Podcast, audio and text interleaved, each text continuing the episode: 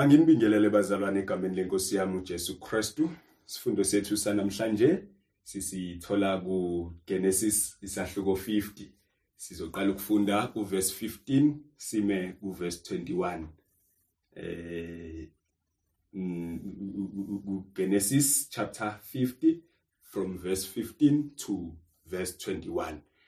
Egameni lika Jesu kuyintokozo ke kimi namuhla ukuba siphinde sabelane izwi likaNkuluNkulu ayinibusise inkosi sisalalele egameni lika Jesu asikhuleke bazalwane. Baba wethu ongcwele yise wenkosi yethu Jesu umdalo wezulu nomhlaba inimandla onke. uNkulunkulu wethu namandla onke udumo lingolwakho nenkazimulo namandla nobukhosi nezibongo. Egameni lika Jesu yamukela Nkosi yami inkazimulo. Nangalesi sikhathi yamukela Nkosi yami izibongo. Zikufanele impela wena ngoba uyaphila egameni lika Jesu mana njalo nangalesi sikhathi udumiseke ubonakala unguNkulunkulu wenza umsebenzi wakho empilweni zethu. Khuluma Nkosi yami nezimpilo zethu nenhliziyo zethu. Usandisele Nkosi yami ukuqonda ngalizwi lakho. Sibusise nangalesi sikhathi kuze kube kuphakade. Amen. Siyafunda ke bazalwane kuGenesis chapter 50 verse 15 to 21 Sebebonile abafowabo bakaJosefa ukuthi uyise ufile. Bathi mhlawumbe uJosefa uza kusizonda asiphindisele nokusiphindisela konke okubi esakwenza kuyena. Base bethumela kuJosefa bethi uyihlo wayala engakafi wathi niyakusho kuJosefa ukuthi ake uthethelele abafowenu isiphambeko sabo nesono sabo. Ngokuba bakwenzela okubi manje siyakucela ukuthi ake uthethelele isiphambeko sezinceku zikaNkuluNkulu kayihlo. uJesofa wakhala besakhuluma kuye base befika nabafowabo bawaphansi ebusweni bakhe bathi bheka siyizinceku zakho. uJosefa wayesethi kubo ningesabi kanti ngisesikhundleni sikaNkuluNkulu yina yebo nina nani ngisongezela okubi kepha uNkulunkulu wakuceba kwaba kuhle ukuba akwenze kube njenganamuhla asindise abantu abaningi. Ngalokho ningesabi. Mina ngiyakunondla nina nezingane zenu. Wabaduduza wakhuluma kuzo izinhliziyo zabo. Amen. Baba izwi lakho leli linamandla liphefumulelwe nguwe. Linguwisibili inkosi yami khuluma ngalo namhlanje nangoKristu Jesu inkosi yethu. Amen. Bazalwane namhlanje na bengifisa ukuba ke sikhulume eh ngodaba esibuye singalinaki kodwa futhi olinakekile. Indaba yentethelelo indaba yokuxolelana indaba yokuxolela. Kukaningi noma abantu esiphila nabo balimazekile ngeindlela eziningi ezahlukene. Belinyazwa wana abantu ababathembayo abantu ababathandayo. Belinyazwa futhi abantu abangabazi. Abantu esiphila nabo baphila nobuhlungu einhlizweni zabo eh kudalwe abantu akade besondelene nabo. Abantu abantu akade benethemba lokuthi bengenza okungcono empilweni zabo.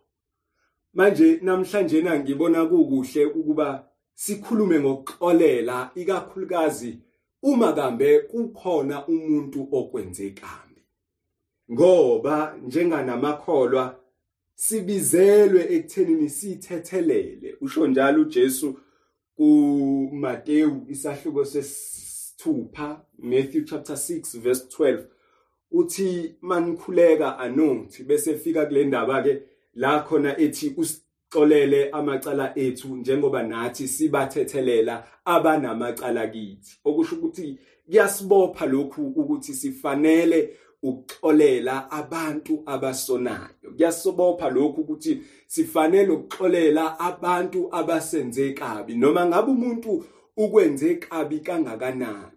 For the sake yokuthi ungumzalwane ngenxa yokuthi uyikholwa ngenxa yokuthi eh eh umKristu wena ufanele ukumxolela uma ezithoba exolisa. Ngiyazi ke le ishaya enhlizweni yazi lena ikhuluma nomuntu uqobo lwakhe. Eh sifanele ukumnxusa impela uNkulunkulu ukuba asisize sikwazi ukuyenza lenkonzo ngoba ayilula ngempela neze. Ihlula abantu abaningi ukuthi eh ngingashumayela ngibe powerful ngingathandaza powerful ngimemeze kudabuke konke okudabukayo kushe konke okushayo. Eh, eh, eh ngibe isibonele esihle emphakathini. Kodwa ngifanele futhi ukuthi uma kambe kukhona abantu abangonile ngibuyisane nabo uma bevuma ukubuyisana nami. Lana ke eh esifunde khona sithola istory esicishe sifane noma sithola indaba ethi ayicishe ifane naloko engizokhuluma ngakho namhlanje na ukuthethelela uthi uJosepha abafowabo bamenza kabi omunye uyazibuza njengamanje uthi pastor uyakhuluma nje eh kulula kuwe. Awazi ukuthi mina usibanibani ungenze kabi kanjani. Awazi ukuthi eh mina enhlizweni yami ngishayeke kanjani. Umanu yasho nje kulula kuwe. Mhlawumbe eh njenganomuntu esingathi mhlawumbe usekhulile enkosini noma njengomuntu okuyiposition ufanele ukukhuluma lokho ngenxa yeposition okuyo. Kodwa mina i'm here to call upon all christian and remind them ukuthi sifanele bazalwane ukuba sixolele ngoba singamakrestu. So kunomuntu kule ndaba esifunde ngayo uJosepha. uJosepha woniwa kambi abafowabo. Eh woniwa kambi abantu bakubo. Ngenxa yokuthi ubethandwa uyise lithi iBhayibheli uyise waze wamthungela ingubo. And abafowabo ke eh lithi iBhayibheli futhi ubebuya abacebe eh nasekhaya ukuthi eh, eh benzani noma bereporta kubaba ingakho nje futhi wayeyuntandokazi waphela uzothandeka intandokazi uzothatha izobuntandokazi umuntu okwazi ukubuyela kubaba abuyise yonke impendulo ukuthi hayi bo abafowethu benza ukuthi nokuthi nokuthi noma kwenzeka ukuthi nokuthi nokuthi. And uJosepha ke ube namaphupho emaphupheni akhe ubewaxoxela abafowabo ebatshela ngamaphupho ngezithungo ezabo abafowabo zikhothamele sakhe uJosepha eh waphinde waxoxela ngisho uyise ngephupho lakhe benonina. Uyakhala uyise uyamkhuza ukuthi usho ukuthi mina noma wakho sizokhothamela wena uyamkhuza kulelo phupho lakhe phupho lini lona lelo. And lithi iBhayibheli kodwa uyise lawo magama wawagcina enhlizweni yakhe.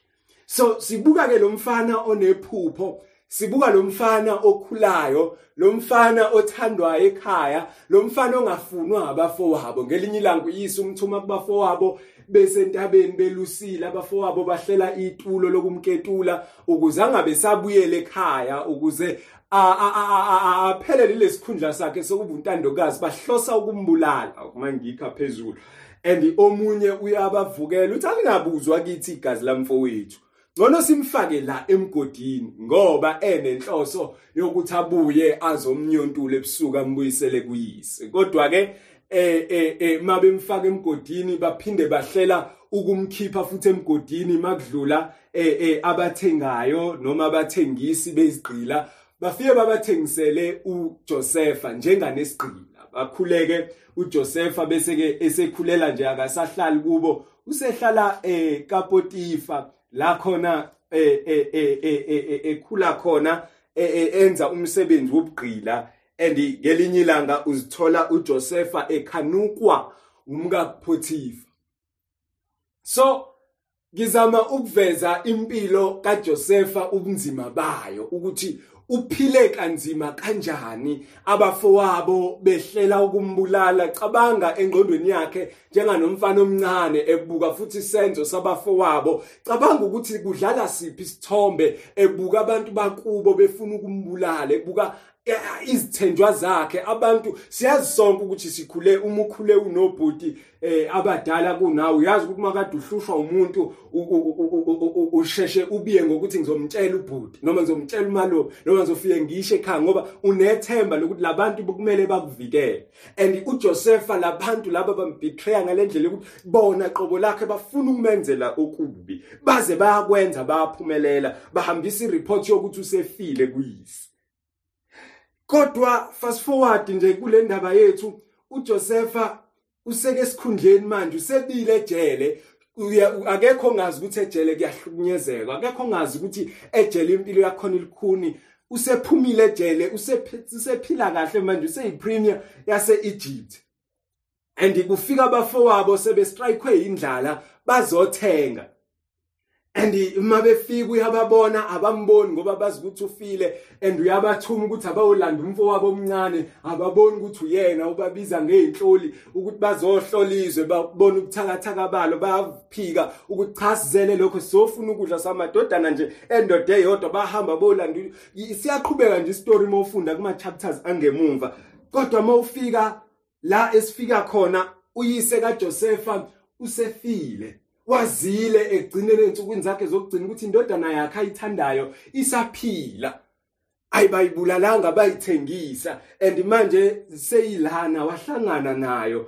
And manje abafowabo sebehlangene bamazi uJosepha wazambula kubona bakhala bonke. Manje akasekho ubaba oyishield noma ozoba umxhumanisi phakathi kwakhe uJosepha nabafowabo and uma efa ubaba kaJosepha ziyabuya inhlungu bakhumbula isenzo esimbi abasenza kuJosepha bathi mhlawumbe uJosepha akabuyiselanga okubi kithi ngoba usenamandla ngaphezulu kwethu eh ukuze Eh, asone ngoba mhlambe kwakukhona ubaba mhlambe ngoba ubaba engasekho uJoseph usezolwa nathi uJoseph usezobuyisela kithi. Banalento and baya kuJoseph ke bathi ubaba wayekhulumile esaphila ukuthi weJoseph ungabusasona wosithethelela nokusithethelela. Sizinceke zakho sizinceke zaNkuluNkulu wakho. Bayazi uJoseph ukuthi umuntu osaba uNkulunkulu kodwa bafuna ukuthi abathethelele ngoba bayakhumbula okubi abakwenzile kuye. Yena indaba ebukhuni lena ngoba uzokhumbula uJoseph ukuthi nike nangiphilisa kabhlungu ngeke ngaphila ngahambisa kwenyamazane ngiqalaza emva kuhami ngingabulawa noma yinini ngishawa noma yinini ngenxa yokugqila kodwa manje nizofuna into enkulu kangaka intethelelo. Kodwa sizwa amagama amnandi akhulunywa yilo muntu sizwa amagama angafanele mhlawumbe ukuba eh omunye ngasho kanjalo ukuthi hayi ngeke. Akakwazi uJoseph ukukhuluma kanje bekhulume kabi naye. Uthi kuverse 13 kuverse 8 kuverse 19 uJoseph wayesethi kubo ningesabi kanti ngisesikhundleni sikaNkuluNkulu yini na?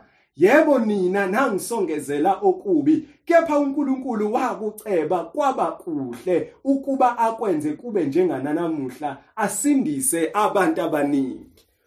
Abantu bahlosa okubi ngendlela abakulimaza ngayo mntaka baba abantu bakuhlosela okubi bakwenzela okubi ukuze uhlupheke. Abanye kade kumele bakunikeze usiza bakunikanga. Wahuzuka wafuzula uze waba writer off empilweni yakho. Abanye kade kumele bakuvikela bangakuvikela.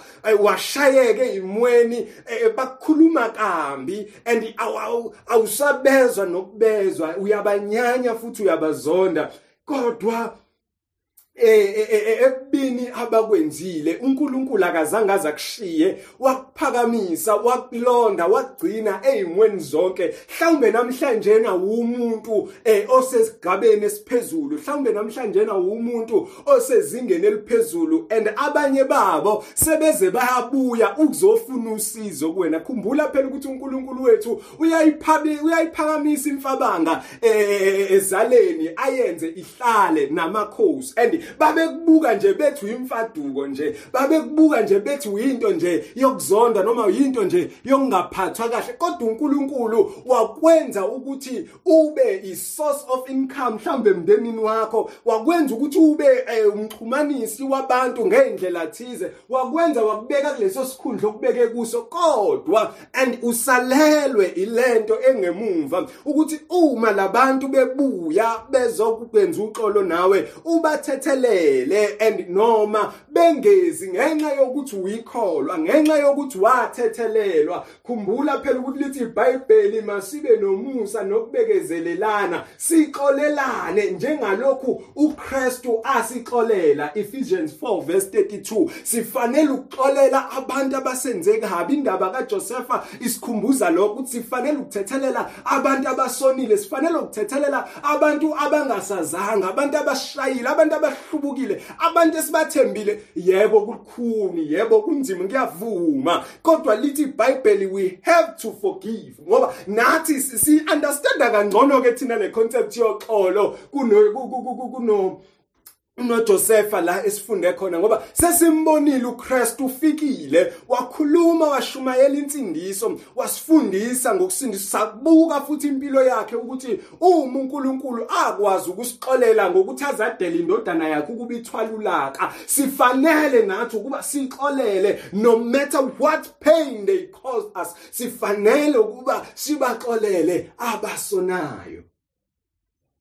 Mzalwane ngobubele bukaNkuluNkulu ngizonxusa ngizofisa mina. Abanye abantu abaningi baphumelele kodwa banenhliziyo banonembeza obuhlungu. Banenhliziyo ebuhlungu abanakho ukuthula abanye bane depression ngenxa yokuthi kunabantu ababacabangayo ababalidela istress and ababathethelelanga ngenxa yezono zabo ngenxa yezenzo zabo. Uthi uJoseph lana angikho esikhundleni saNkuluNkulu. Akubona kwami ukuphinisela akubona kwami ukudila nani. Ngiyanixolela njengabafowethu ngizonondla mina njengane ngane zakwethu kanye nezingane zenu futhi ngizozinakekela. Ngiyanithethelela sifanele. Sifanele le ndaba isifundisa okukhulu. Sifanele ukuxolela ngoba inkosi yenze njani? Yasixolela. Asinasi isizathu sokubamba iqubu asinasi isizathu sokuthi asimxolele ubani ngoba wenzeni? Yebo ngiyavuma ngiyakuncenga nje ngishilo. Lithi iBhayibheli Colossians 3 verse 13 xolelani ngoba nenkosi yanixolela and nayo into ehlupha abantu abaningi ukuthi pastor yazi uzokhuluma. Uyazi ukuthi kangaki mina ngiyixolela lengane kodwa yizwa? Uyazi ukuthi kangaki ngimxolela udadewethu kodwa kezwa uyazi ukuthi kangaki ngimxolela umfowethu kodwa kezwa uyazi ukuthi kangaki ngizama ukwenza ukuthula naye sibe nokuthula isikhashana aphinde futhi aqale phansi kube nokuxabana? Uyazi ukuthi mhlawumbe nje uyakhuluma ngoba mhlawumbe wena kwesakhe isimo sikahle. Cha cha cha mntaka baba khumbula ku Matthew chapter 18 verse 21 to 22 uma umfundi efika kuJesu ena lokhu ngifanele ukumxolela kangaka umfowethu uma engonile. Ngoba mhlawumbe ngimxolele kasikhombisa na uthi uJesu cha 77 times kunalokho. Bazalwane sifanele ukuxolela ake sihambe ke siyobaxolela. Laba abazithobayo abanye sobaxolela bengasibonanga isidingo sokubuya beze kithi. Abanye sobaxolela benga bengazange balicela uxolo ngenxa yokuthi siya understand ukuthi saxolelwa. Siya understand ukuthi futhi sifanele ukuxolela. Thina njengabantu abamaKristu uthi uPaul ngelinye ilanga mangenzeka ngokwenu zamelani ukuthula nabo bonke. Ngakho sifanele ukwenze njani ke bazalwane? Ukuba sixolele. Namhlanje lokho ebengifuna sikufunde ukuthi noma kubhlungu kangakanani abakwenze kuwe noma kulikhuni kangakanani abakwenze kuwe noma kunzima kangakanani abakwenze kuwe kodwa lalela inkosi mayithi thethelela izitha zakho. Ziphi izitha zakho? Bapha abantu abakonile ukudla badla banika amanzi baphuze babela bampofu khona bekwenze kabi. Hamba oxolela umakhelwane wakho owakuthuka hamba oxolela umyeni wakho wakwenza kabi hamba oxolela umkakho kusithuma lokho kwenza lokho bazalwane. Noma ngabe sibukeke ngazuthi siyiwula kangakanani but hamba oxolela forgive one another because the Lord forgave you. And now umyalo uKristu asinikeza wona. Nawe umyala ukwazi ukumthanda ngiyele ngizwa abantu bethi ngiyamthanda ukumthanda kodwa yena wangona ngakho ngimxolela umthanda kanjani umuntu ongamxolela hamba oxolela umfowenu phelelisa uthando hamba uphelelisa uthando ngokuthi kube nokuthula phakathi kwenu. Ngiyakhumbula mina uJakobe ehambe buhela kumfowabo isawe ethumela konke ngaphambili mefika umfowabo uthi umfowethu lona uyamanga. Akube njalo akube khona uxolo. Abalibona abantu ukuthi uxolo lukhona. ngamaKristu exolelana ngamaKristu ebuyisana nabantu ababenze kabi. Nkosi mayisize. Sikwazi ukuxolela abasonile ukuze sikwazi ukuphila kahle. Singenayo inhliziyo ebhlungu singenakho ukunyanya amahlangana nomuntu. Singenakho ukudela masibona umuntu. Nkosi mayinibusise bazalwane. Sisakhuleka ukuba isifundise ukuba sikwazi ukuthethelela. Baba wethu ongcwele yise wenkosi yethu Jesu dalo ezulu nomhlaba Nkosi yami namhlanje nasilizwile futhi izwi lakho. Lisiyala ukuba sithethelele abasonayo kuba lisiyala ukuba sithethelele abasenza kabi. Baba wethu namandla onke siyathandaza egameni lika Jesu sifundise inkonzo yokuxolela. Sifundise Nkosi yami egameni lika Jesu ukuba sikwazi ukuzithoba. Njenganayo uJosepha Nkosi yami esimbonile. Ezithoba Nkosi yami ekhala ndawonye nabafowabo. Babemenzile okubi kodwa wena wakuhlela wakuhlela kwaba ngokuhle egameni lika Jesu size uNkulunkulu wethu ongcwele ukuthi uma bekhona Nkosi yami abanalenkinga. Uma bekhona Nkosi yami abahluphekile emoyeni wabo ngokuthi ubani wabenza kabi akabuyanga ukuzoxolisa bakube nako ukuthula. Noma abanye Nkosi yami bafika bayabhala bayakhuluma bayicela intethelelo kodwa bakwazi ukubanika yona. Bakhumbuze Nkosi yami intethelelo wasinika yona ngoKristu. Efa Nkosi yami endaweni yethu engenacala engonanga wavuma ngenxa yothando. Wavuma ukuba afe endaweni yethu ukuba sizuze thina ukuthula ukuba sibe ngabakhululekileyo. Baba sifundise ukuxolela. Sifundise Nkosi yami ngoba nathi wasixolela siyizoni. Sifundise Nkosi yami ngoba lokhu kusifanele njengamaKristu. Sisizeke Nkosi yami egameni lika Jesu Kristu inkosi sitshale lesi sithelo Nkosi yami sokuxolela empilweni zethu. Ngomoya wakho ongcwele. Sivikele kuko konke usithwale nangalesi sikhathi egameni lika Jesu phinde usiyale usifundise ngezwi lakho nsuku zonke. Vula nkosiyami onembeza bethu kuba silizwe silamukele bese siyalenza ngoKristu Jesu inkosi yethu kusukela manje kuze kube phakade amen. Asamukele umusa. Musa wenkosi yethu Jesu Kristu uthando likaNkuluNkulu Baba inhlanganyelo kaMongcwele makube nathi sonke kusigcine kusilondoloza azafika uKristu Jesu inkosi yethu. Manje kuze kube phakade amen.